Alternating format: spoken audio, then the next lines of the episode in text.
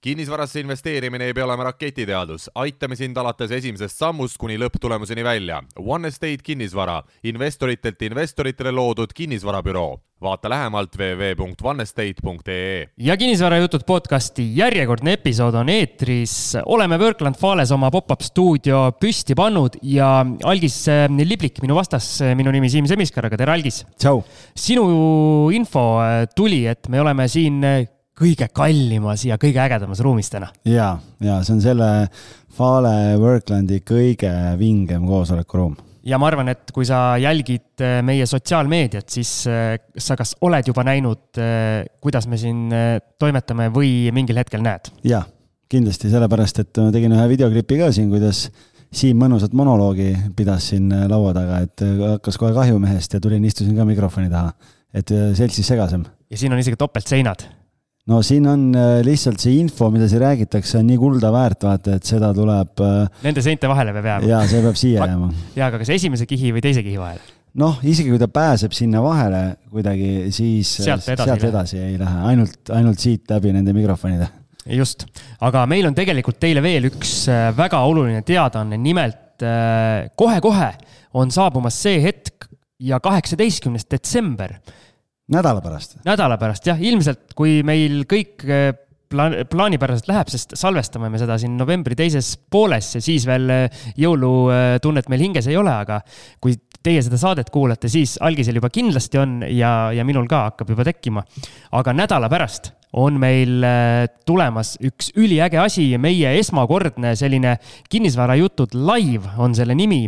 kus esmaspäeva õhtul kuuest üheksani ehk kolm tundi tuleb väga võimast kinnisvarajuttu. Ja miks võimast, sellepärast meil on külaliste plejaad on lihtsalt selline raske kahurvägi Eestit arvestades, et põhimõtteliselt noh, algis siin noogutab eh, väga rahulolevalt ja, ja li, lihtsalt eh, muud moodi seda öelda ei saa. kuna esimene tund on meil planeeritud siis kinnisvara ekspertidele Mihkel Elistele ja Tõnu, Tõnu Toompargile, kes räägivad kinnisvara turu hetkeseisust ja loodetavasti ka järgmisest aastast, siis teises tunnis staarinvestorid, selle sõna kõige, kõige jõulisemas tähenduses Jaak Roosaare ja Rahakratt. raha Jaak ja Rahakratt. just, raha istub ühe laua taha nii-nii palju ja. ja teie saate. raha ja meie. ja, meie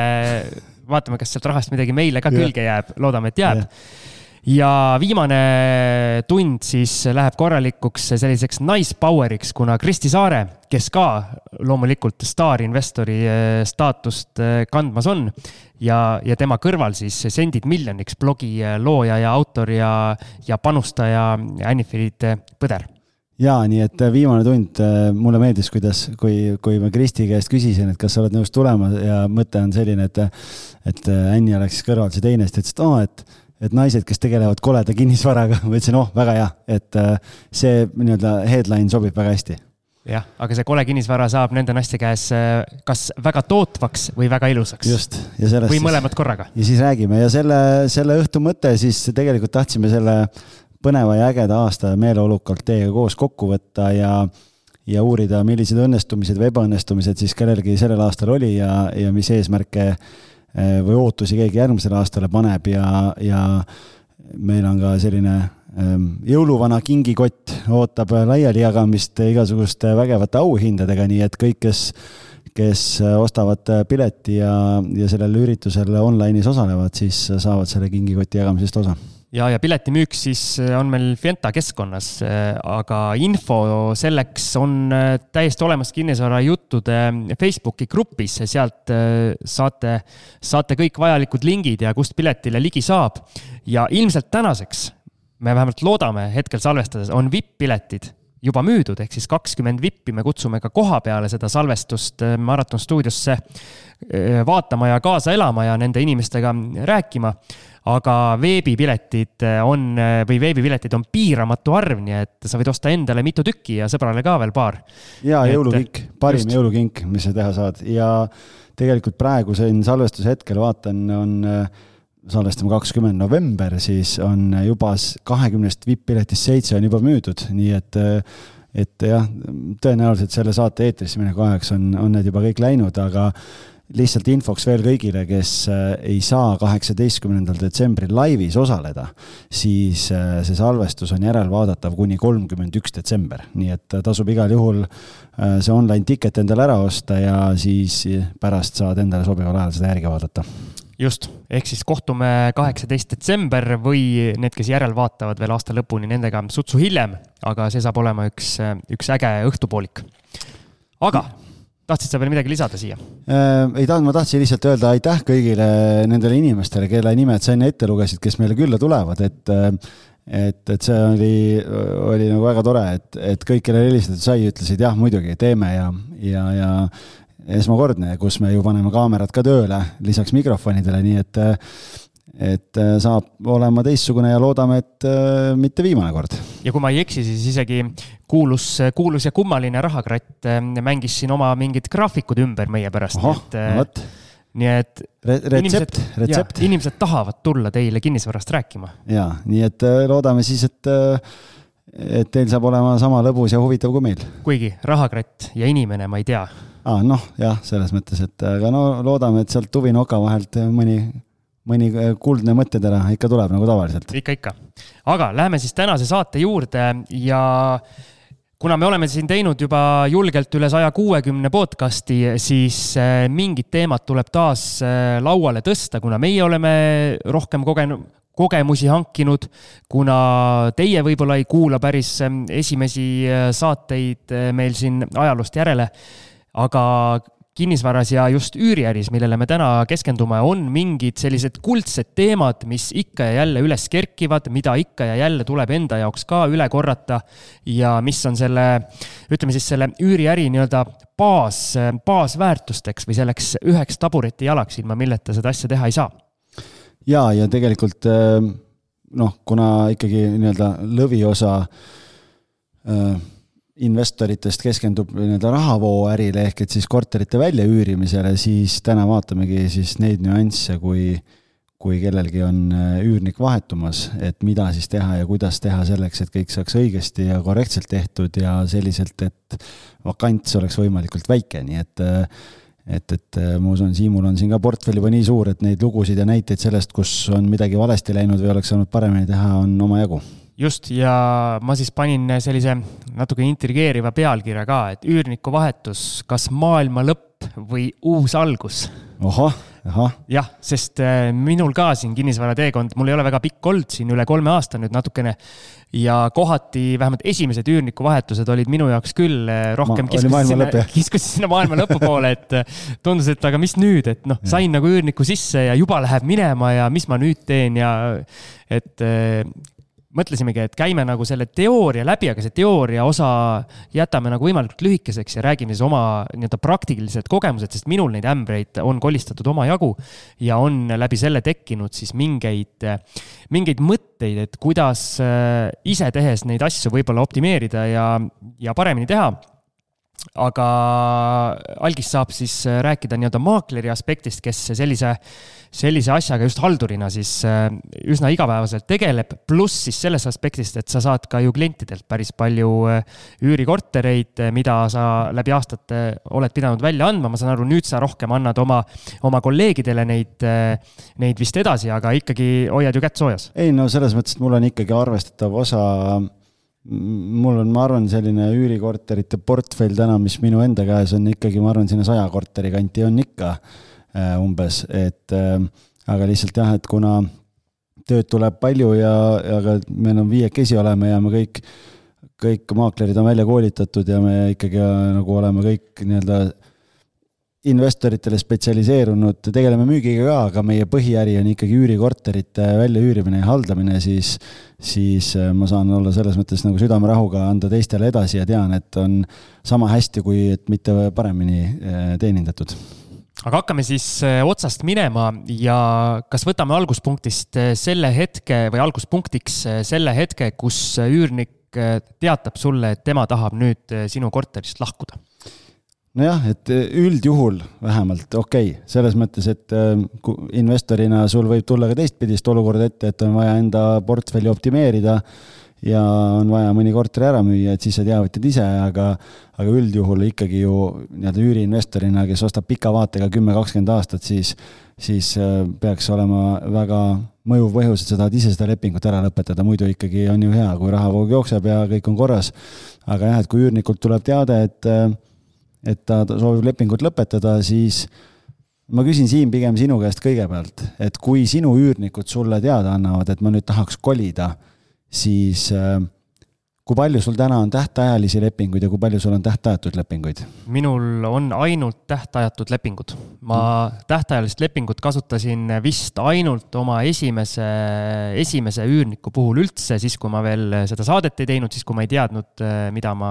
mida ma teen no,. hea turvaline on ju, et just, üks aasta, et no. täpselt, oligi see aastane justkui tundus, et see on nagu nii-öelda norm, et umbes aasta kaupa ja siis pikendame. aga niipea, kui ma sinuga suhtlema lähemalt hakkasin, siis ma sain aru, et äh, ikkagi tähtajatu on see õige tee, mida mööda minna. ja tegelikult ja siis noh, ongi, ähm, kui üürnik saadab sulle lepingu lõpetamise teavituse välja, kui palju on neid äh, case'e olnud, kus sulle üürnik annab teada, et äh, ma nüüd annan teada, et ma tahan kolme kuu pärast lahkuda, kuna võlaõigusseadus ütleb ja leping ütleb siis, et on kolm kuud ette teatamist. Ähm, versus see, et ta ütleb, et ma tahan kolida kohe. millal, kui kiiresti oleks võimalik ja mis variandid meil on? no mul on igasugu variante, aga see, mis sa ütlesid, see nagu asi käib, ehk siis üürnik annab mulle teada, et äh,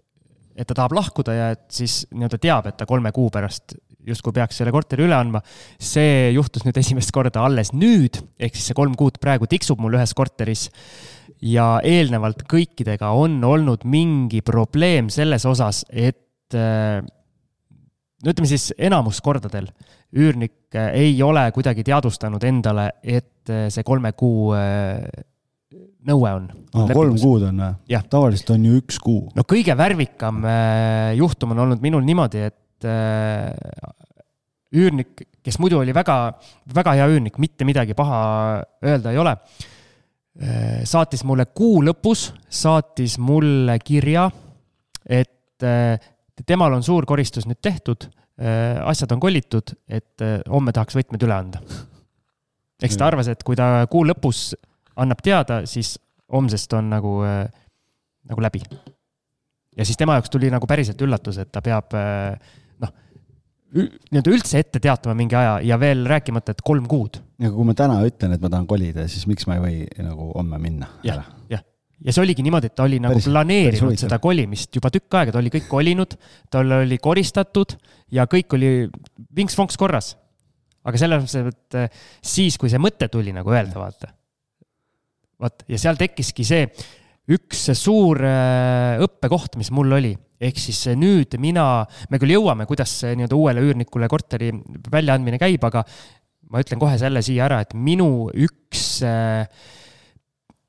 tähtsatest punktidest, mida ma nüüd teen korterit üle andes, on see, et ma rõhutan võimalikult mitmel korral üle, et lepingus on kirjas mõlemal poolel kolmekuuline etteteatamise aeg, kui soovitakse lepingut lõpetada. seda nii alguses kui ka siis, kui teeme seda üleandmise vastuvõtmise akti, ehk siis see kolme kuu äh,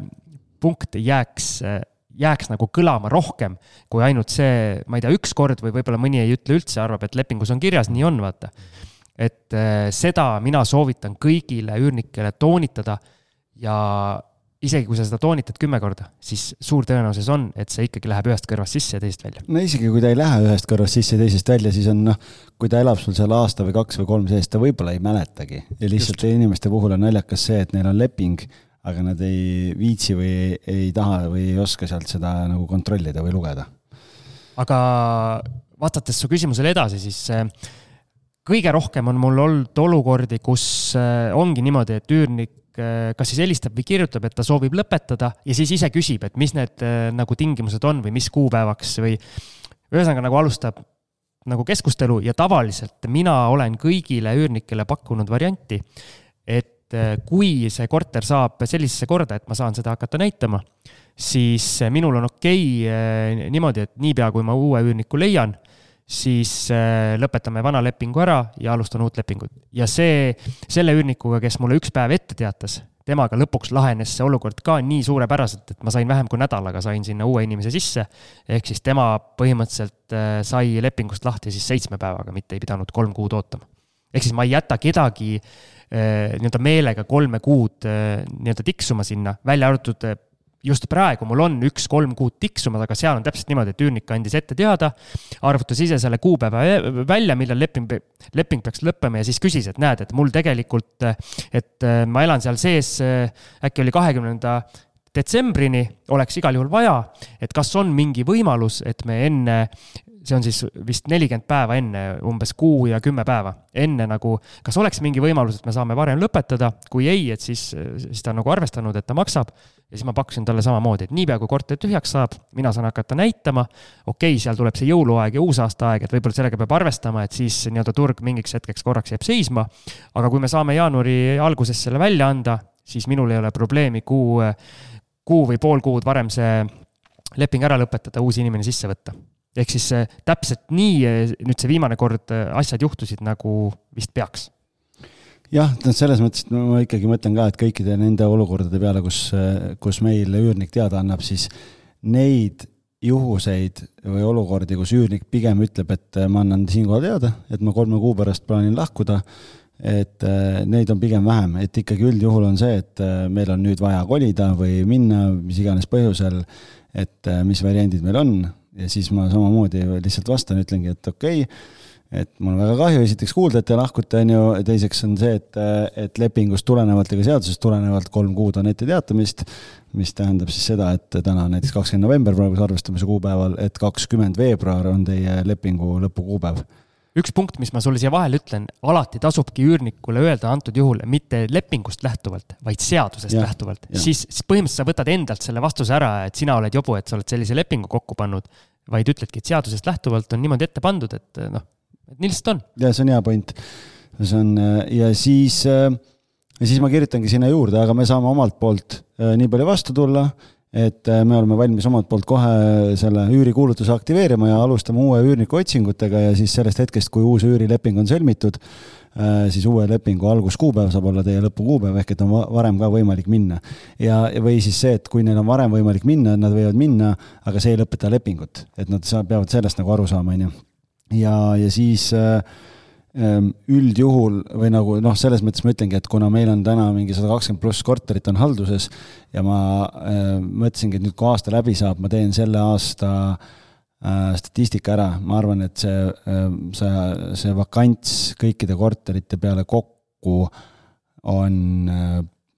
paar protsenti. et see on nagu üliväike ja see on pigem tavaliselt sellised suured mingid neljatoalised või mingid sellised korterid, kus on nagu rohkem vajaduspõhine. Aga ikkagi väga harva juhtub seda, et ühe-kahe-kolmetoalised korterid. Tühjana on mõne üksiku erandiga, seal on alati mingi põhjus äh, taga, et, et tavaliselt ikkagi selle, see ongi selle tähtajatu lepingu võlu, et, et see etteteatamise aeg on kolm kuud ja sa saad alati, üürnikul on reeglina vaja kiiremini minna ja sa saad hakata üürnikku otsima ja sa, see on suht kindel, et sa leiad selle enne, kui ta ära läheb, kui sa just ei lähe mingit ulme üürihinda küsima sinna aga minu küsimus ongi, mulle isiklikult ei meeldi näidata korterit, kus sees elatakse. et eh, mina olen proovinud need asjad eh, ajada selliselt, et me lepime vana üürnikuga kokku. et ma räägin neile sellesama jutu ära, et kui te sees elate, siis on oluliselt keerulisem üürnikku leida eriti kui mina nii-öelda Tallinnast väljas tegutsen ja võib-olla ongi mõnele korterile näiteks kaks kuni kolm huvilist, aga need huvilised on tõsised huvilised, nad ei tule nagu kalastama, vaid nad tulevadki vaatama, et kui neile sobib, siis nad võtavad ära. aga ikkagi tekib see mingi plokk natukene, et kui keegi seal sees elab, et siis on nagu keerulisem näidata, vähemalt mulle see tundub. ma kohe küsin, kuidas nii-öelda ekspert seda asja näeb. ja siis ma olen äh, proovinud leida sellise, sellise kesktee, kui äh, vanal üürnikul on see võimalik, et ta kolib ära, teeb selle korteri kõik korda ja ma hakkan kohe siis näitama ja ütlengi, et nii-öelda tühja korterit on oluliselt lihtsam äh, üürile anda ja see tõenäoliselt peaks minema oluliselt kiiremini. Ehk siis see on nagu mõlema huvides, et selles mõttes, et, et ta maksab äh, need päevad või nädalad siis kinni pärast, mis jääb ja seni enamasti mul on see õnnestunud. ma olen vist ühe korra pidanud niimoodi näitama, näitamas käima korterit, kus on sees elatud. ja see vist läks ka lõpuks, läks nagu hästi aga ma siis küsin eksperdilt, kuidas, esiteks, kuidas sa instrueerid äh, seda üürniku korterit koristama ja, ja korda tegema, et kui sul need näitamised on ja on sul mingeid äh, nii-öelda värvikaid lugusid ka, et sa arvad, et sa lähed kori-, koristatud ja korras korterit näitama, aga tegelikult on seapesa ja üürnik on kohe nagu, nagu kadunud sellega. Jah, selles mõttes on äh, õnneks ikkagi, ma ei tea, kas on tänu sellele, et see eeltöö kuidagi üürnike valimisel on nii põhjalik või, või lihtsalt on äh, on äh, vanajumal meiega, ma arvan, et see on sümbioos äh, mõlemast, aga valdavalt ikkagi üürnikud on nagu mõistlikud ja toredad ja head ja seal tegelikult, kui ma selle info neile saadan, et jah, me saame hakata varem üürnikku otsima, siis ma seal emailis alati rõhutan ka seda ja ma ütlengi, et et selleks, et see asi saaks toimuda ja, ja et te saaksite nii kiiresti kolida kui võimalik, on mul vaja teie poolt igakülgset koostööd, mis tähendab siis seda, et äh, on vaja paindlikkust äh, korteri näitamisel, et ma annan alati ühe päeva ette teada, kui ma tahan tulla ja kooskõlastan, et kas teile sobib. ja siis teie poolt on vaja nagu seda, et korter oleks äh, puhas ja, korras, et kui inimene tuleb sinna, et ta näeks, et oh, see on see koht, kus ma tahan elada. et mul just selles mõttes väga hea ajastus eile oli telefonikõne ühe üürnikuga, kes andis teada, et ta soovib kolida ja siis ma samamoodi ütlesin, et noh, et äh, leppisime nagu need asjad kokku või noh, ma kirjutasin talle, siis ta kirjutab mulle vastu umbes, et noh, et ma ikkagi ei tea, kas see, kas see on ikka hea mõte nagu noh, et sellel ajal korterit näidata, kui me siin ikkagi sees elame ja noh, meil on ju isiklikud asjad siin ja ja kõik noh, et ja, ja võib-olla see, võib-olla see ei ole nagu ikkagi nagu noh, see korter sellisel tasemel siis nagu ta võiks olla, on ju ja, ja siis ma selgitasingi talle, ma ütlesin, et see on normaalsus, et, et sellepärast meil lepingus ongi see punkt kirjas et eh, noh, tema puhul oli see, et ta andis teada, et ta soovib kolida ja et kolme kuu pärast ja nüüd ma ütlesin, et kuule, nüüd on see aeg, kus ma panen eh, kuulutuse ülesse. siis ta üritas, et noh, et äkki ikkagi äh, küsis, et äkki on mingeid muid võimalusi, ma ütlesin, et muid võimalusi ei ole. sellepärast, et, et sellepärast meil lepingus see ongi, et see on normaalne, et te elate seal, teie isiklikud asjad ongi seal, aga et kui sul on mingeid väärisesemeid või asju, et siis ole hea, noh, pane need kuskile ära, aga ma ütlesin, et kuna ma ei tee kliendipäeva niimoodi, et mul tuleb viis klienti korraga korterisse ja igaüks askeldab kuskil eraldi toas, vaid ma tulen ühe kliendiga korraga, et et siis ma olen kogu aeg kliendiga koos ja ma olen aastate jooksul üle kolmesaja korteri välja üürinud, et mitte kunagi pole ühtegi asja juhtunud, et et, et ma saan nagu murest aru, aga, aga keegi ei tule sinna varastama, on ju, et inimesed tulevad, tulevad endale kodu vaatama. et aga noh, inimestel on, on hirmud ja see on põhjendatud, aga siis ta noh, umbes üritas mulle põhjendada, et no jaa, aga et noh, mul on, meil on praegu mõlemal nagu elukaaslasega nii palju tööd ja nii kiire ja noh, umbes, et vahepeal ma ei tea, et hea, et aeg on WC-s käia, et noh, et võib-olla on mingid, äh, ma ei tea, mustad nõud kuskil kraanikausis või midagi, siis ma ütlesin, kuule, Deniss, sul on nõudepesumasin äh, korteris on ju, et äh, kui sa tahad kui sa, noh, ta küsis kelle, et kuule, et meil on kuu aega jäänud, aga kas saab nädala pärast minna, et ma tegelikult saaks juba nädalaga minna. ma ütlesin, et kui sa tahad nädalaga minna, siis mul on kaks klienti, kes tahavad seda korterit tulla vaatama, siis ole mees. leia see aeg ja tee korda niimoodi, et kui ma tulen, et on okei okay.. on ju, siis ta ütles okei okay,, okei okay,, et ma saan aru, noh, et, et tegelen ja tead, mul tuli üks väga värvikas lugu meelde, mis ma olen enda kuskile mälusoppi vist ära peitnud, et mitte seda meenutada. aga enne kui ma selle räägin, see käib väga teemasse. enne kui ma seda räägin, teeme ühe lumiorava veepausi.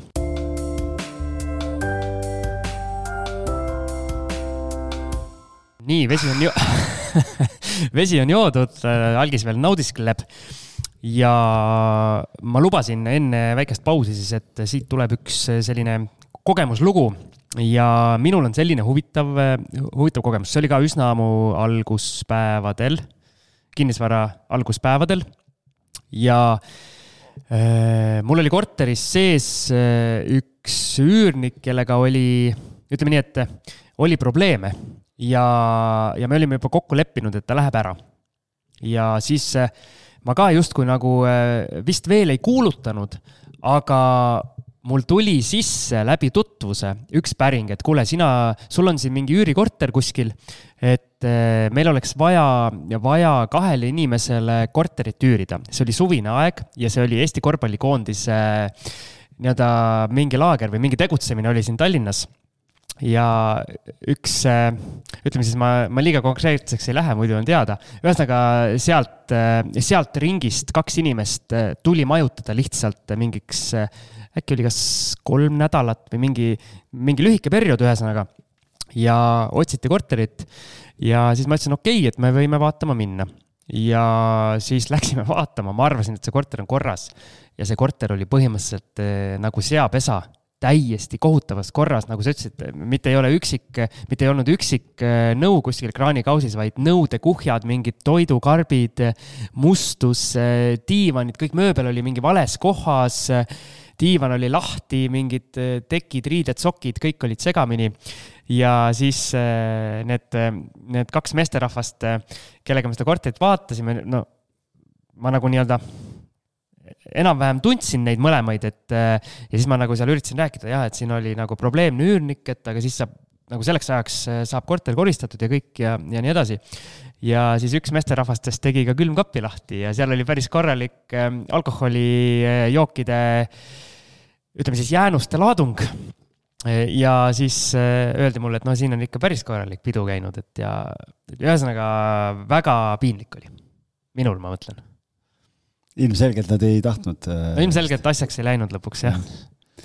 Ja mul on ka selliseid olukordi olnud, et äh, mina enne tavaliselt üle kontrollima ei lähe, usaldan, et inimesed on ilusad ja toredad ja head. aga sellega sellega aeg-ajalt äh, nii-öelda elu äh, tõestab vastupidist ja siis äh, olen jaganud meie kinnisvara juttude Facebooki grupis ka kunagi, kunagi mõni aeg tagasi pilte ühest korterist, kus oli üks lõuna-ameeriklane ja, ja ta ütles, et, et jaa, jaa, sa võid tulla, et kõik on okei. Okay ja läksin ja tegelikult noh, visuaalselt niimoodi oligi, noh, et ei olnud mingeid toidukarpe ja musti nõusid ja asju, aga seal oli see probleem, et äh, ta oli üksteist kuud seal sees elanud ja ma arvan, et ta reaalselt ei olnud tolmu võtnud seal korteris selle üheteist kuu jooksul, et äh, ja, ja ma pidin šoki saama, aga noh, elu on õpetanud, äh, et nüüd alati, kui ma lähen korterit näitama, siis võta tolmulapp kaasa või? Mine natuke varem, üks asi. Äh, oled kümme-viisteist minutit varem kohal ja ma alati rõhutan, isegi kui ma ei jõua varem näiteks mingil põhjusel kuidagi ei saa, siis ma alati rõhutan üürnikele, ütlengi, et kuna üürnik elab sees ja inimeste nii-öelda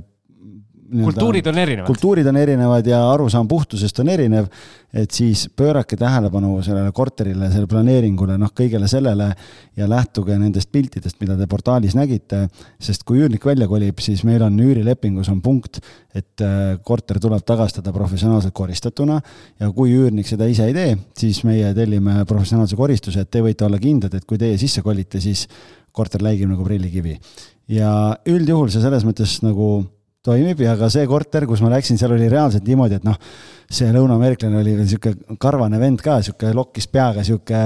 sihuke suur mees. ja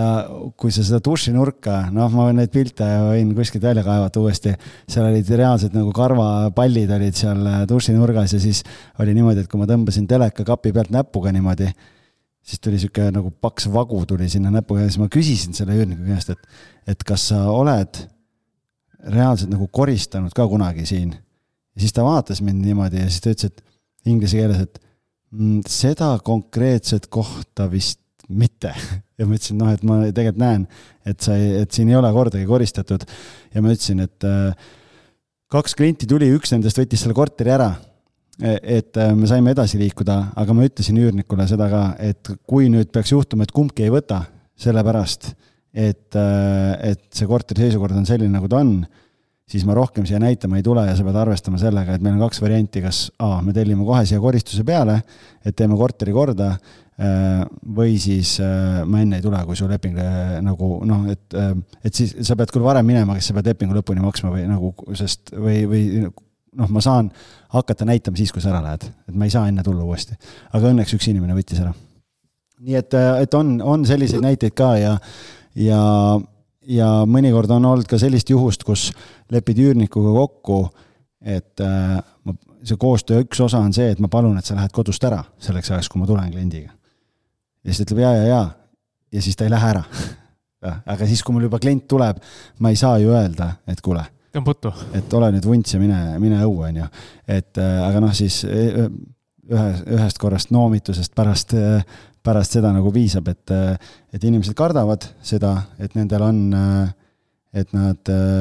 et nad ei kuidagi noh, seesama asi, et isiklikud asjad ja mingid värgid ja noh, et tegelikult osa ka mõtleb seda, et et nad on abiks võib-olla, noh, et kui keegi tahab küsida, et kuidas siin elada on ja kõik need asjad ja nii edasi, ma ütlen, et mul ei ole sind siia kohale vaja, et see on minu töö, ma teen selle töö ära ja see pigem segab, sellepärast et kui sina oled kodus sellel ajal, kui uus, uus inimene tuleb vaatama, siis tal tekib tunne, et ta segab sind ja tal on ebamugav, sellepärast et ta ründab nagu sinu ruumi sisse, et see on sinu kodu ja, ja ta segab sind ja siis ta ei saa keskenduda sellele, milline see korter välja näeb või kas see võiks talle sobida. ja me ei saa arutada ja nii edasi, sellepärast et ta võib-olla tunneb, et teeme kiirelt ära ja ma lähen ära ja noh, et siis ma ei sega, et see nagu ei toimi. Et aga noh, ütleme nii, et see on, need on pigem mõned üksikud juhud, et tavaliselt ikkagi ma olen aastate jooksul, see kommunikatsioon on enne juba nii selge, et ma nagu räägin kõik asjad ära, et mingeid arusaamatusi ei oleks, kui kohale lähed aga, aga ma ütlen, et noh, mina ja see on pigem erand, kui, kui jääb nii, et ma ei saa enne näidata, kui üürnik välja kolib äh, või et sealt tekib mingi vakants, sellepärast et ta ei ole koostöövalmis või kuidagi noh, mingid asjad. et tavaliselt ikkagi see kuu aega enne läheb kuulutus üles ja siis hakkab töö pihta nii, aga me oleme väga, väga palju värvikaid lugusid saanud sellest ähm, üürikuulutuse lõppemisest ja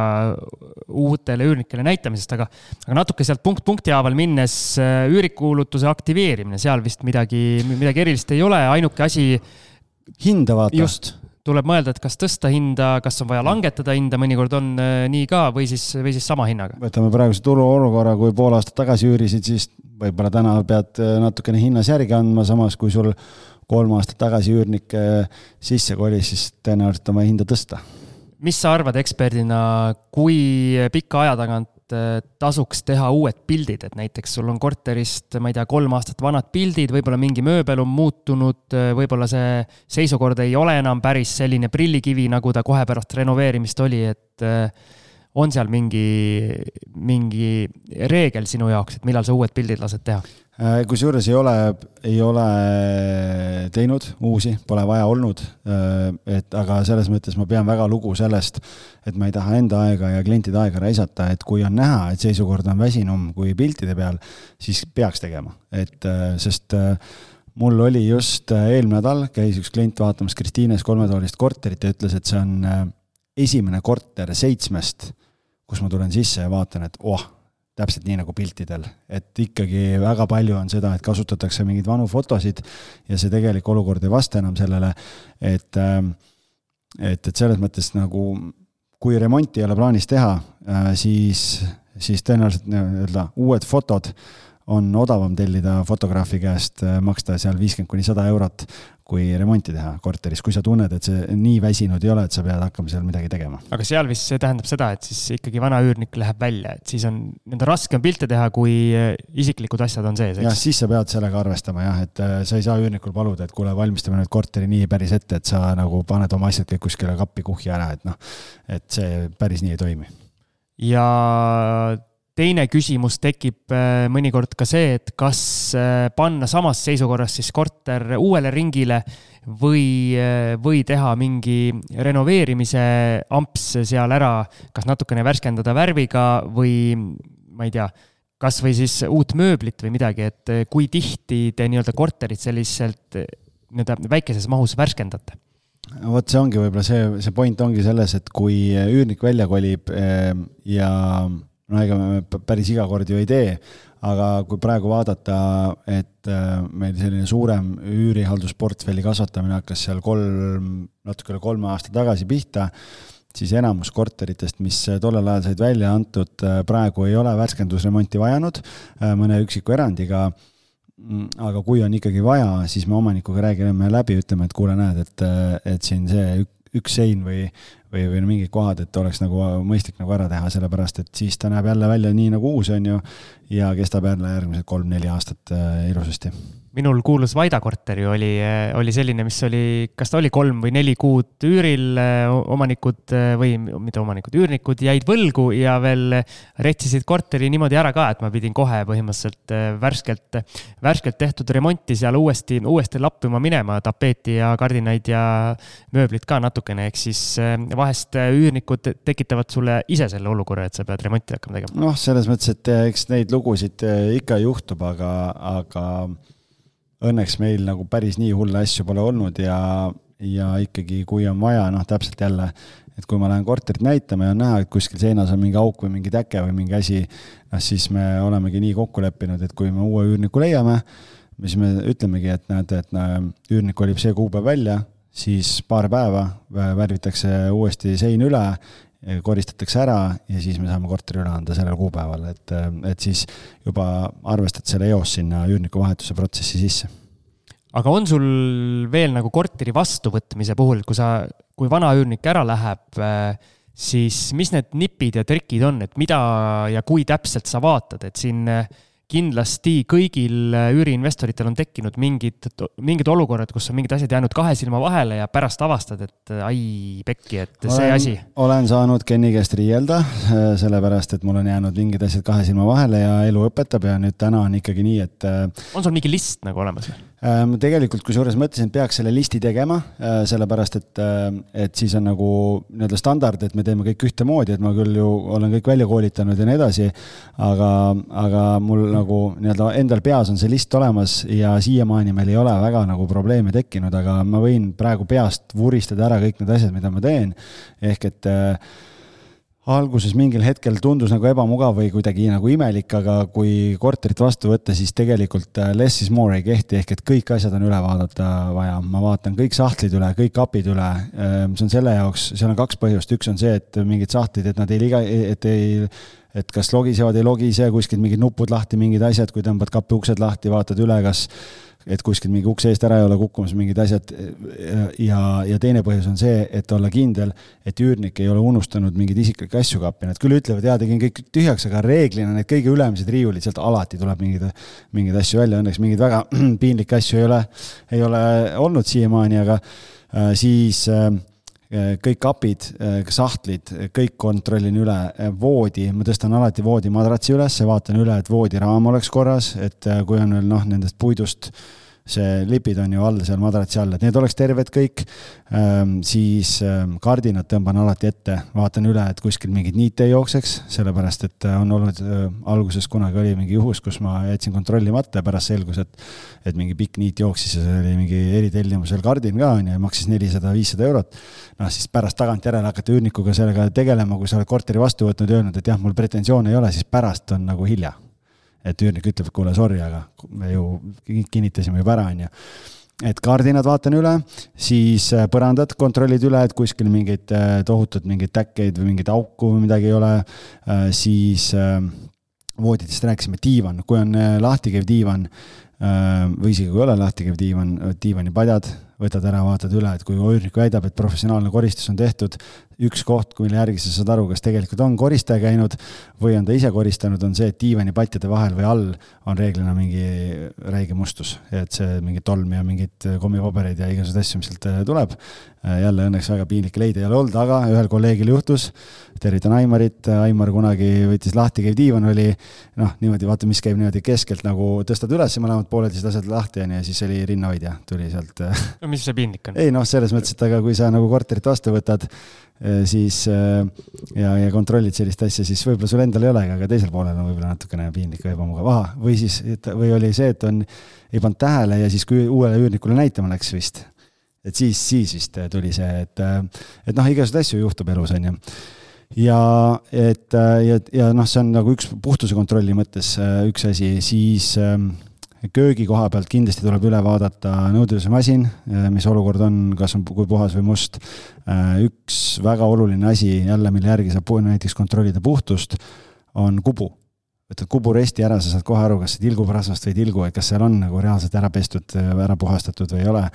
siis külmkapp, sügavkülm vaadata üle, kas need sügavkülma sahtlid kõik on terved või ei ole, kas on jääs, ei ole, kas peab sulatama, ei pea,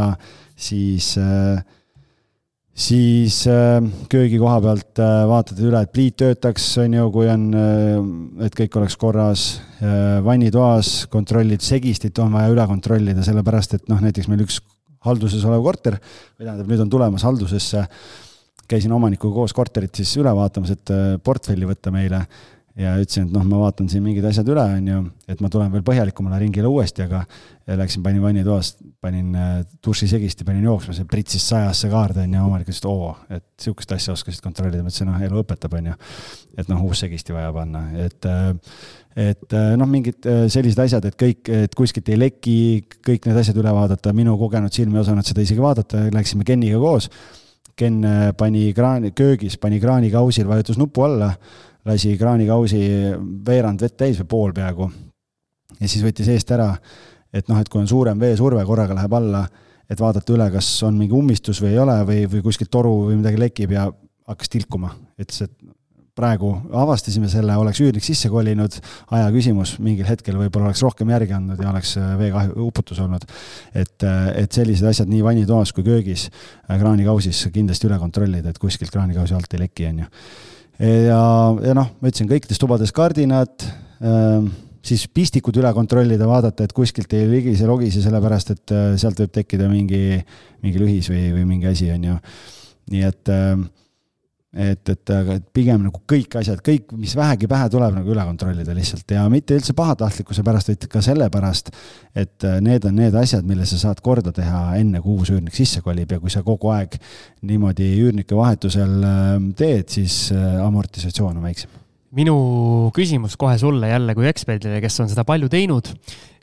mul endal on natukene piinlik, kui ma lähen vaata korterit vastu võtma, eh, piinlik hakata umbes nagu äh, niimoodi käima ja, käima ja kontrollima kõike niimoodi, kas see töötab, kas see töötab, et näitab nagu sellist vähest usaldust teise poole vastu, kuidas seda kommunikeerida niimoodi, et äh, nagu see äraminev üürnik ei pahandaks? ja mina tavaliselt lähen ja ütlengi, et, et et nüüd läheb, et noh, tavaliselt enne kui ma lähen juba, ma ütlen, et arvestame umbes, ma ei tea, poole tunniga, et noh, et see ei ole nii, et ma tulen tere ja allkirjastame paberid ja ma lähen ära, vaid et kui ma tulen kohale, et siis ma vaatan üle, kontrollin üle seisukorra, et kõik oleks, kõik oleks okei. Okay.. ja kui ma kohale lähen, siis ma ütlengi, et äh, ära lase ennast häirida, et äh, me võime juttu ajada sinuga, ma lihtsalt käin, käin ringi ja ma vaatan kõik asjad üle, ma, ja ma ütlengi, et ma vaatan kõik kapid ja sahtlid üle et äh, selleks, et äh, veenduda, et su isiklikke asju ei ole siin, ma ei ütle noh, et seda seisukorda, ja, ja ütlengi, et noh, et, et äh, kuna ma tean, mis seisukorras see korter sai sulle üle antud, siis minu asi on praegu veenduda ja hoolitseda selle eest, et kõik on okei okay, selleks, et kui uus üürnik sisse tuleb, et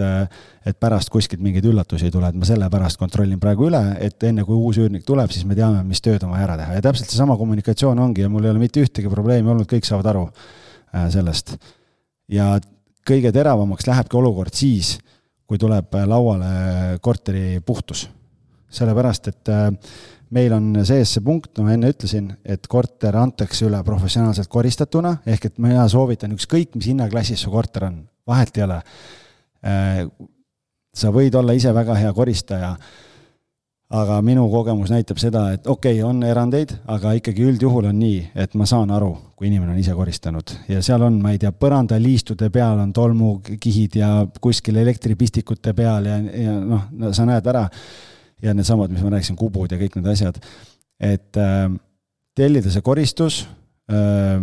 noh, ma saan aru, Siim, teie teete ise, on ju, ja, ja ma usun, et Kairit on nagu väga hea selles äh,, aga point on selles lihtsalt, et sellega sa üürileandjana sead standardi üürnikule. me anname sulle korteri üle professionaalselt koristatuna ja see on see, kuidas me tahame seda tagasi saada.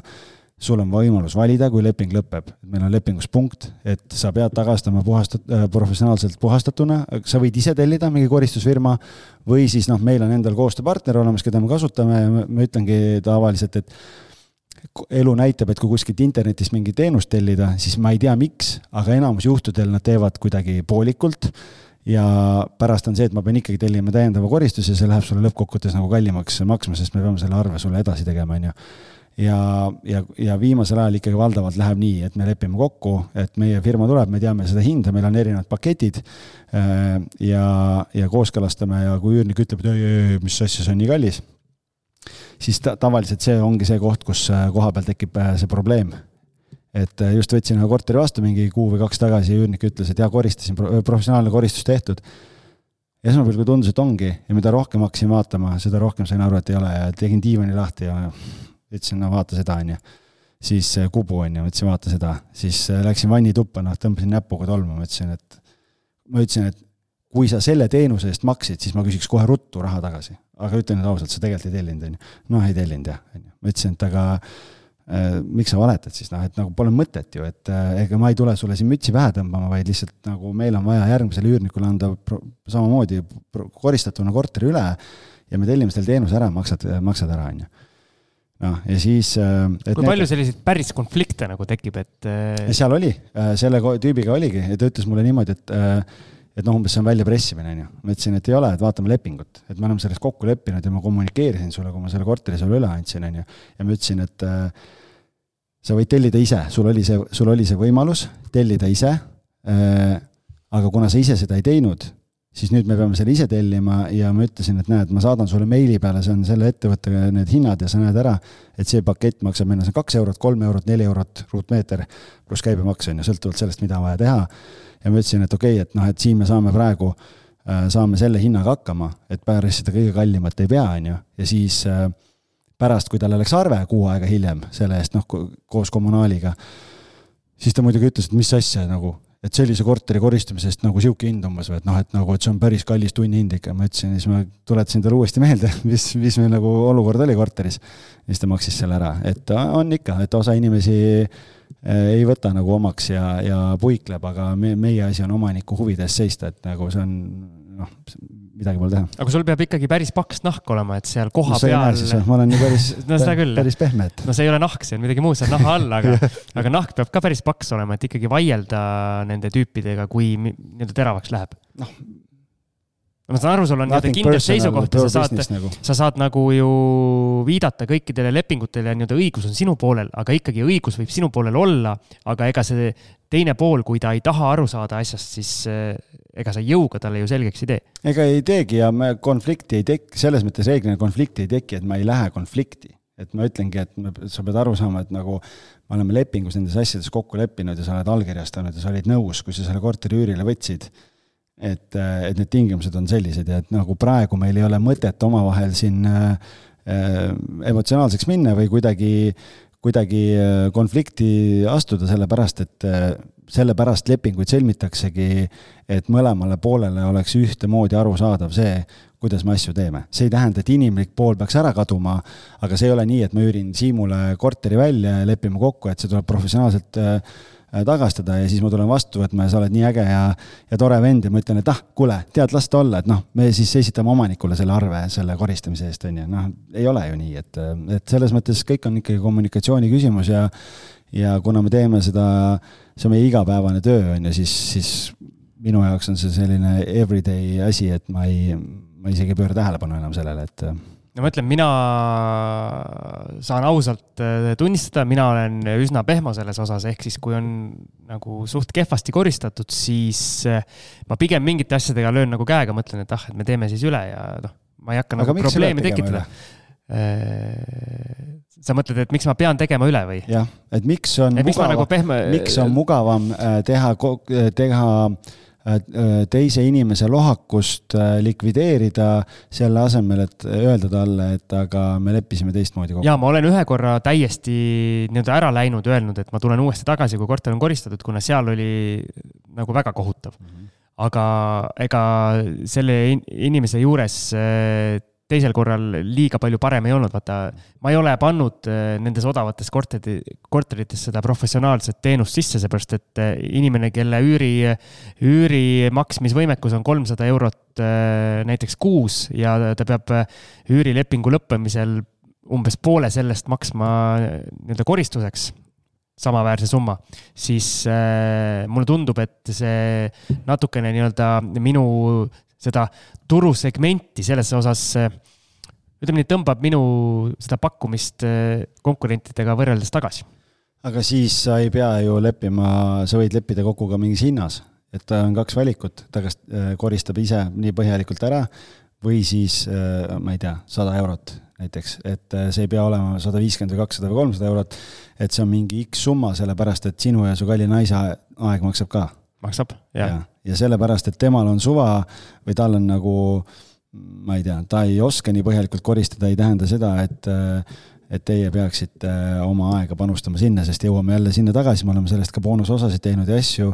et kui sa tahad täna oma väärtust tõsta, siis pigem on küsimus selles, et kas sa suudaksid selle ajaga, mida sa kolm või neli tundi seal korterit koristad, sellepärast et et sul oli ebamugav talle öelda, võib-olla sa suudaksid selle nelja tunniga luua mingit oluliselt suuremat väärtust selleks, et oma investeerimisportfelli kasvatada näiteks ja, aga selle ebamugavusega kaasneb äh, tihti ka see, et tegelikult ajakulu äh, sellega seoses, et näiteks mul ongi vaja korter kätte saada, ma olen arvestanud sellega. ja siis äh, ma pean talle justkui ütlema, et ah sorry, ma ei võta seda korterit vastu, et saame uuesti, uuesti, ma ei tea, ülehomme kokku, kui sul on see koristatud siis samamoodi see on minu jaoks umbes samaväärne ajakulu. aga kui sa võtad selle korteri vastu ja sa näitad talle üleandmise vastuvõtmise akti peal olnud pilte ja seda seisukorda, ja ütled talle, et sorry, aga näed, meil on kokku lepitud, et okei okay,, see ei ole siis ütleme, et ei ole professionaalne põhja, puhastus, aga et on mingi põhjalik puhastus on tehtud, on ju, siis sa ütled, et aga ma pean tulema üle koristama. et sa näed, noh, et ma ei anna, ma ei andnud sulle niimoodi tolmusena. ehk siis seal peaks küsima selle nii-öelda aja hüvitamist. jah, ja siis ütledki, et näed, et mul on lepingus, sellepärast ongi see sada eurot, et äh, ma pean nüüd ise tulema siia koristama ja nagu ma pean võtma ju mingite muude tegevuste arvelt selle aja et kui ma telliksin kuskilt äh, professionaalse koristuse siia, siis see oleks oluliselt kallim. aga et ma tulen sulle vastu ja, ja sellepärast on see summa on selline. ja sa ei pea keelduma vastuvõtmisest, vaid ütledki, et, et äh, lihtsalt see on see, milles me lepingus kokku leppisime ja, ja nüüd mul ei jää lihtsalt muud üle, kui ma pean selle üle tegema ja selle eest lihtsalt tuleb sulle täiendav arve nagu. ja sinu eelis või, ja kõikide teiste üürileandjate eelis, kes kuulavad minu ees, on see mina olen see maakler seal vahel, on ju, the bad guy, on ju, tuleb siin ja, ja hakkab siin midagi, noh, okei okay,, ma olen küll üürileandja esindajana, ma olen lepingu allkirjastaja, selles mõttes ma olen justkui ka üürileandja toolil. minul on suurem oht sellega, et keegi läheb ja kakab kuskile internetti, sellepärast et mingi vend siin äh, tuleb ja kujutab ette endale, aga sina üürileandjana, noh, nagu sa seisad iseenda eest, aga mina. ma olen vastik nagu, rahaahne kapitalist. noh, jah, aga ma olen, mina olen see, et nagu mul on see risk nii-öelda pahameele osa, osaks saada suurem kui sinul äh, üürileandjana. no see on kahe otsaga asi, ma arvan, et ega nende omanike suhtes ka just väga,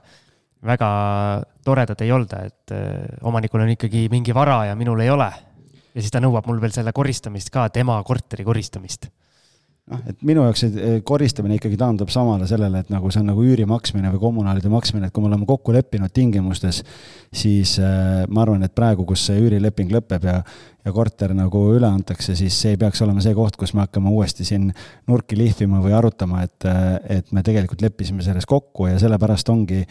ongi see nii-öelda puhtuse fikseerimine ja selle seisukorra fikseerimine nii täpselt kui võimalik ülioluline, et selliseid arusaamatusi vältida hiljem. Aga tead, väike lumiorava veepaus veel ja siis paneme ühe jutiga lõpu finišisse ja vaatame, kuidas siis uuele üürnikule see korter üle saab antud.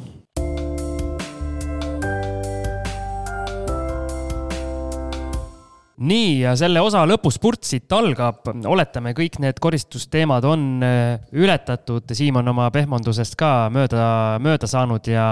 vana üürnik maksab kõik koristused kinni, nii nagu asi peab olema. algis noogutab, näitab piitsepsit, äh, topeltpiitseps. Jah, ma näitan, pean kahte näitama, et muidu ühest on vähe. jah, ja siis äh, on siis vaja korter uuele üürnikule üle anda ja natukene me päris saate alguses äh, puudutasime ka seda, et mida mina olen õppinud just üleandmisest, on see, et et üle tuleb toonitada mingid väga konkreetsed asjad seal lepingus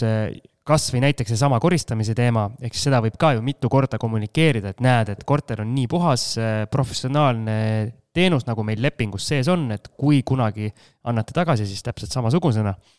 ja jah, nagu Algis ütles, et noh, ja kahe aasta pärast on see nagunii meelest ära läinud, aga ikkagi. Sorry, ma korra segan sulle vahele. ma käisin täna hommikul korterit näitamas ja see naisterahvas äh, tuli korterit vaatama ja ütles, et teate, ma olen puhtuse friik, onju ja ma ütlesin, et see korter on just professionaalselt koristatud, et see on see, kuidas me anname korteri üürnikule üle ja kuidas me tahame tagasi saada, ta ütles, et oh jumal tänatud. Et, äh, et ta ütles, et ma olen käinud korterit vaatamas ja see on kohutav, kui äh, mustad on korterid, mida näidatakse, et äh, või nagu, kus kedagi isegi sees ei ela. et noh, et on näha, et inimestel on kuidagi nagu ükskõik. see level ongi nii erinev et mõni hakkab siis koristama, kui põhimõtteliselt enam ära ei mahu ja põhimõtteliselt jalg jääb mingi naksuva põranda külge kinni, et siis natukene tõmbab lapiga, aga mõni on selline friik, nagu sa just ütlesid. Nii, oota, kuhu ma seisma jäin ah,? ja siis kindlasti see kolme kuu teema on asi, mida mina kogu aeg üle toonitan. ja siis viimasel ajal mulle meeldib ka üle rääkida selline asi, et äh, ah, mida ma kindlasti teen, ma näitan, kus äh, on elektrikilp, ehk siis kus saab äh, need korgid välja ja kus saab vee kinni keerata ja seda ma näitan äh, mitu korda ja välismaalastega on see probleem, et kui ma ise hästi seda vene keelt ei räägi, näiteks äh, siin viimasel ajal ukrainlasi on tulnud äh, mõned, siis, siis kuidagi ikkagi selle peab selgeks tegema. et kui on mingi veejama, siis üürnik peab teadma esimese asjana, ta peab vee kinni keerama, mitte ei ole nii nagu nendes kuulsates, ma ei tea, Tiktoki videodes, kus pannakse näpp augu ette ja loodetakse, et see lahendab probleemi ära. Mhm. päris nii ei käi ju. ei käi. vot, ja üks asi veel mis ma kindlasti vanasti, mida ma ei teinud ja viimasel ajal äh, teen, on see, et ma panen äh, või vähemalt proovin paika panna suhtlemisreeglid selles osas, et äh, helistada mulle tuleb ainult tõelise emergency korral. et kui on, ongi mingi veeavarii või või ma ei tea, korter põleb, aga siis on ka see, et kui korter põleb, siis sa helistad kõigepealt äh, sinna. üks, üks, kaks ja siis mulle. ja siis alles annad ja. mulle teada, jah. et äh, mina toonitan, et räägime, või tähendab, suhtleme meili teel. ehk siis tahan seda aeglast suhtlemist, mitte nii, et äh, üürnik mulle helistab ja ma ütlen ausalt, mina vist ei ole saanud üürnikult mitte ühtegi, üürnikelt mitte ühtegi telefonikõnet mingi probleemiga. ehk siis võetakse vedu ja suheldakse meili teel või äärmisel juhul SMS-i teel. jah, meil on ka niimoodi, et noh, vaata, kui on, äh, kui ma annan üürile mingi korteri, kus on äh, omanik ise äh, jääb pärast toimetama, mitte ei ole meil halduses, noh siis omanik lepib ise oma, oma reeglid kokku, aga, aga halduses olevate korteritega meil läheb välja selline info üürnikele, et noh, mina saadan või siis see maakler saadab info välja, kes nagu üleandmise järgne meil siis kus on kõik kontaktid ja kõik info, mis on vaja. seal on kirjas, on äh, see, et äh, et kui on mingid probleemid sellel ajal, kui ta korteris elab, on ju, siis äh, halduspoole pealt meil Kenni kontaktid, et aga seal tuletan meelde, et et tööpäev on üheksast viieni ja palume alati saata email, et aga noh, et loomulikult hädaolu, olukorra korral parim variant on helistamine, et aga et muidu email saata. ja, ja siis ma alati rõhutan seda, et kõik, mis on korteris sees on korteri omanik või noh, nii-öelda meie teha, aga kui sul, ma ei tea, lift ei tööta või, või, või garaaži uks ei avane või midagi, siis emailis on majahalduri kontaktid ka või siis korteriühistu kontaktid, et siis otse nende poole pöörduda. ja, ja siis on seal kirjas e, emailis on veel kirjas, et, et üüriarve läheb välja sellel kuupäeval maksetähtajad on äh,, maksekuupäev on see kuupäev, kommunaalid lähevad välja see kuupäev, maksekuupäev on see kuupäev Äh, ja siis on kirjaga kaasas veel äh, digitaalselt allkirjastatud üürileping, kui näiteks rendini kaudu on leping tehtud, et äh, eriti välismaalased pärast ei leia seda üles neil on vaja sissekirjutust, siis Dokobitist ma tõmban selle alla siis panen selle ja siis on meil omanikega veel volitus tehtud, paneme veel volituse kaasa ja siis on veel kodumasinate hooldusjuhend ka, mille me paneme kaasa. et kuidas nõudepesumasinat hooldada, kuidas pesumasinat hooldada selleks, et nad kestaks ja, ja toimiks. et kuhu soola panna, noh, kõik selline info. et, et hästi põhjalik email, aga noh, saadad ära ja mõni hull ikka helistab, noh, et ikka, issanda loomaaed on kirju, et, et isegi kui sa teed puust ja punaseks ära, noh, ikka, ikka tuleb neid asju ette ja, ja ikka helistavad mulle ka mõnikord, kuigi ma kohtumisel ütlen, Siim,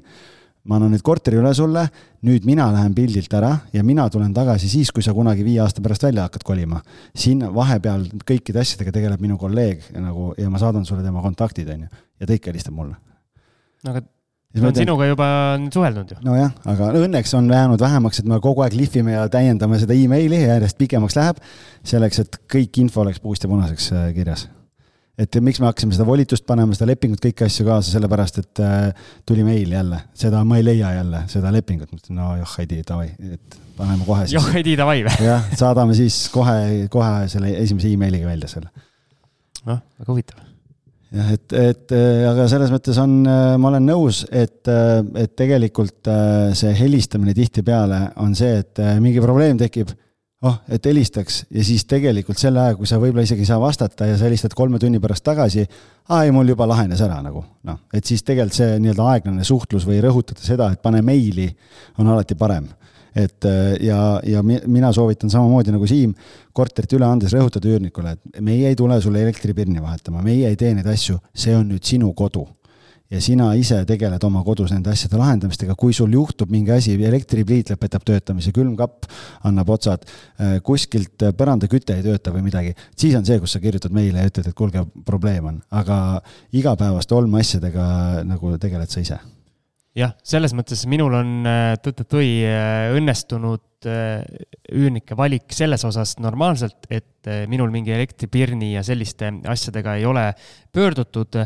Äh, vist suurim asi, mis äh, on olnud ühes korteris, boiler hakkas, hakkas läbi laskma, siis ma pidin äh, nädalavahetusel jalad selga võtma ja minema uut boilerit ostma ja organiseerima siis ähm, vana seina pealt maha ja uue, uue seina ja ühendatud. selle saime kiirelt tehtud, üürnik oli rahul. ja siis on mingeid, mingeid tilkumisi ja asju ka olnud, aga siis ongi täpselt see, et me oleme kokku leppinud, et ma annan talle loa siis võtta otse siis mingi torumehe, ma tähendab isegi otsinud kontakti veel ja see oli veel ühes väikses kohas ka, et siis ma otsisin konkreetse kontakti välja, ütlesin, et näed, helista, millal sulle sobib, sa pead kodus olema, on ju, mina ei tule sinna ju nii-öelda sinu koju. ei tule vaatama, kuidas see torumees tööd teeb lepid ise turumehega kokku, ta teeb sulle töö ära, kirjutab arve, saadad mulle selle edasi, teeme järgmise üüriarvega tasaarvelduse, et, et muud ei olegi. samamoodi on, on ka vist mingi mööbliga, mööbliga olnud, ahah, üks juhus oli, kus üks üürnik lõhkus mul ühe kummuti ära ja siis ütles, et ta, et ta asendab selle otsis mul veebi, veebi mingist kaubamajast enam-vähem sarnase, küsis, et kas see on okei okay ja siis äh, leppisime kokku, ostis, järgmine kord oli olemas. ehk siis sellised, äh, sellised asjad, aga jah, et äh, ma arvan, üürileandjatele ka võime toonitada, et kui see eeltöö on võimalikult hästi tehtud, siis mingit päris suure hulga probleeme see nii-öelda sõelane ikkagi, ikkagi rahulikult võtab maha. nagu sa ütlesid, mingid hullud alati jäävad, kes, kes võivad helistada täiesti marginaalsete asjade pärast. aga suures plaanis, kui sa õigesti need asjad teed, siis selle enamuse võtad sa maha ja siis nende hulludega siis pead juba tegelema ja mõtlema, et kuidas see üldse su sellest äh, filtrist läbi sai jah, ja tegelikult see on väga hea point, mis sa välja tõid, et me samamoodi ütleme, et meil ei ole palgal elektrikut, meil ei ole palgal torumeest, et kui sul on mingi mure, ma ei tea, et toru lekib või mingid asjad, siis äh, Google kohe appi, mingi toruabi kuskilt, kutsu abi kohale ja anna siis seejärel teada äh, meile ja, ja siis lepime kokku, et reeglina ongi nii, et sa kutsud kohale, lahendatakse ära ja siis me pärast tasaarveldame,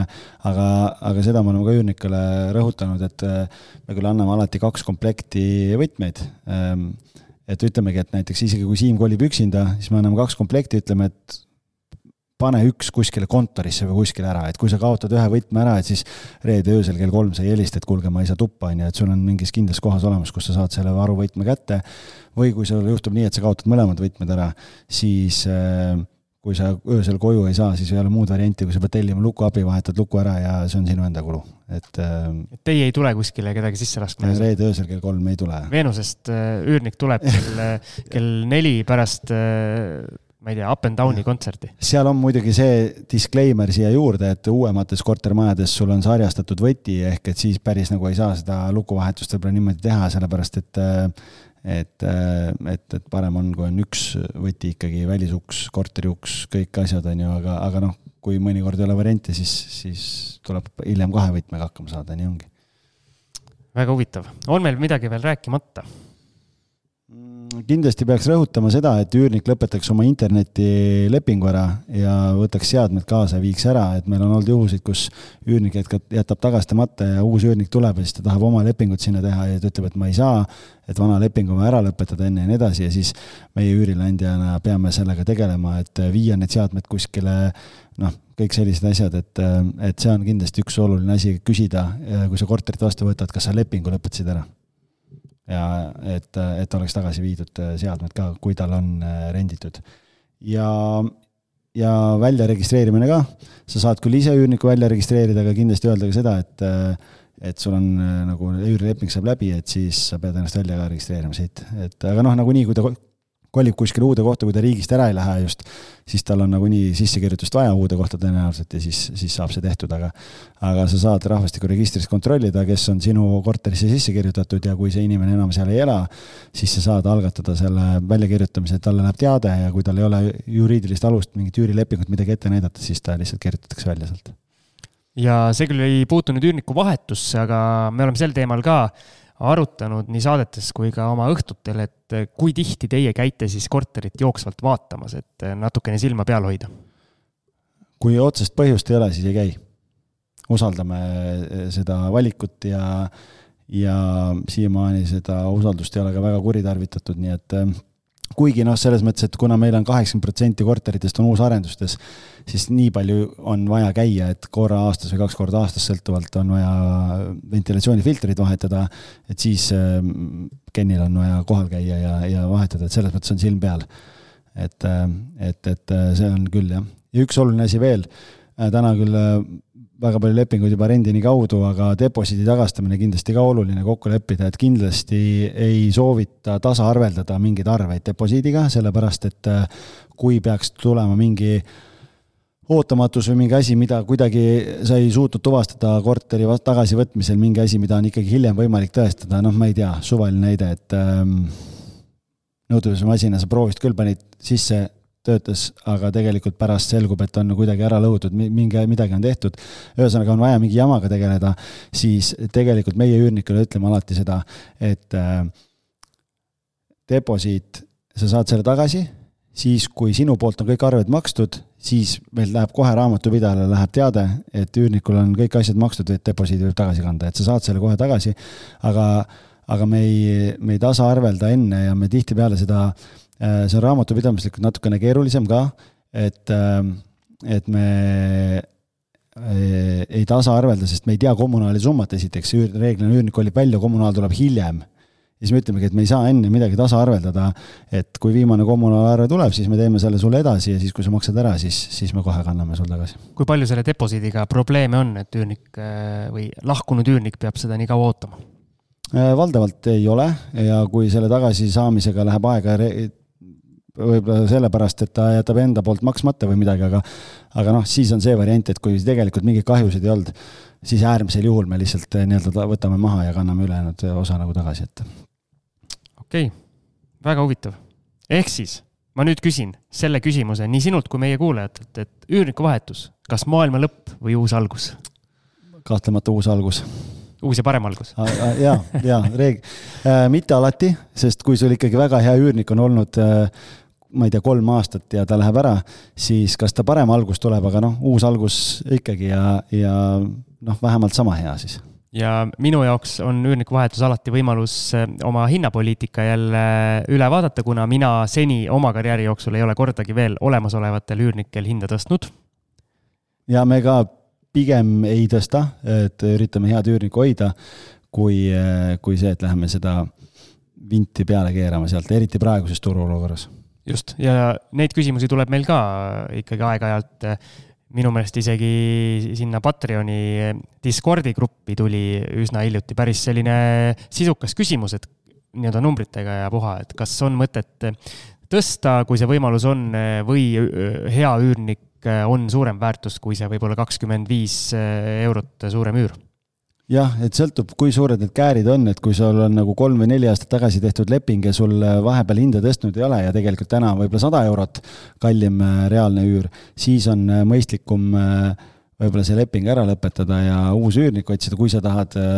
tootlust parandada. aga teistpidi on jah see, et siis pead arvestama seal võimaliku vakantside ja asjade ja kõige sellega ja tihtipeale sellepärast võib-olla nagu öelda kui üüri tõsta, siis igal aastal natukene mõistlikult, eh, kui see, et, eh, et kolme või nelja aasta pärast ärgata ja mõelda, et oh,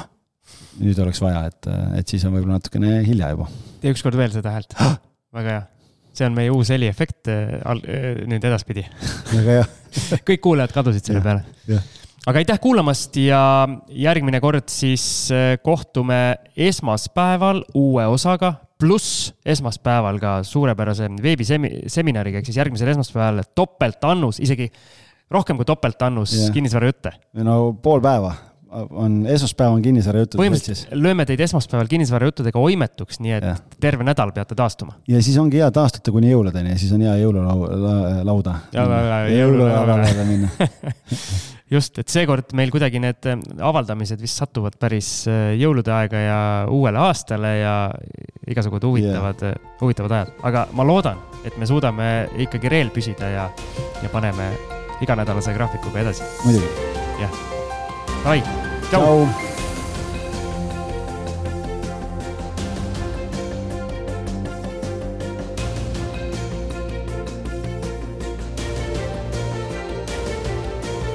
Kinnisvarainvestoritele loodud kinnisvarabüroo, aitame sind alates esimesest sammust kuni lõpptulemuseni välja. vaata lähemalt www.onestate.ee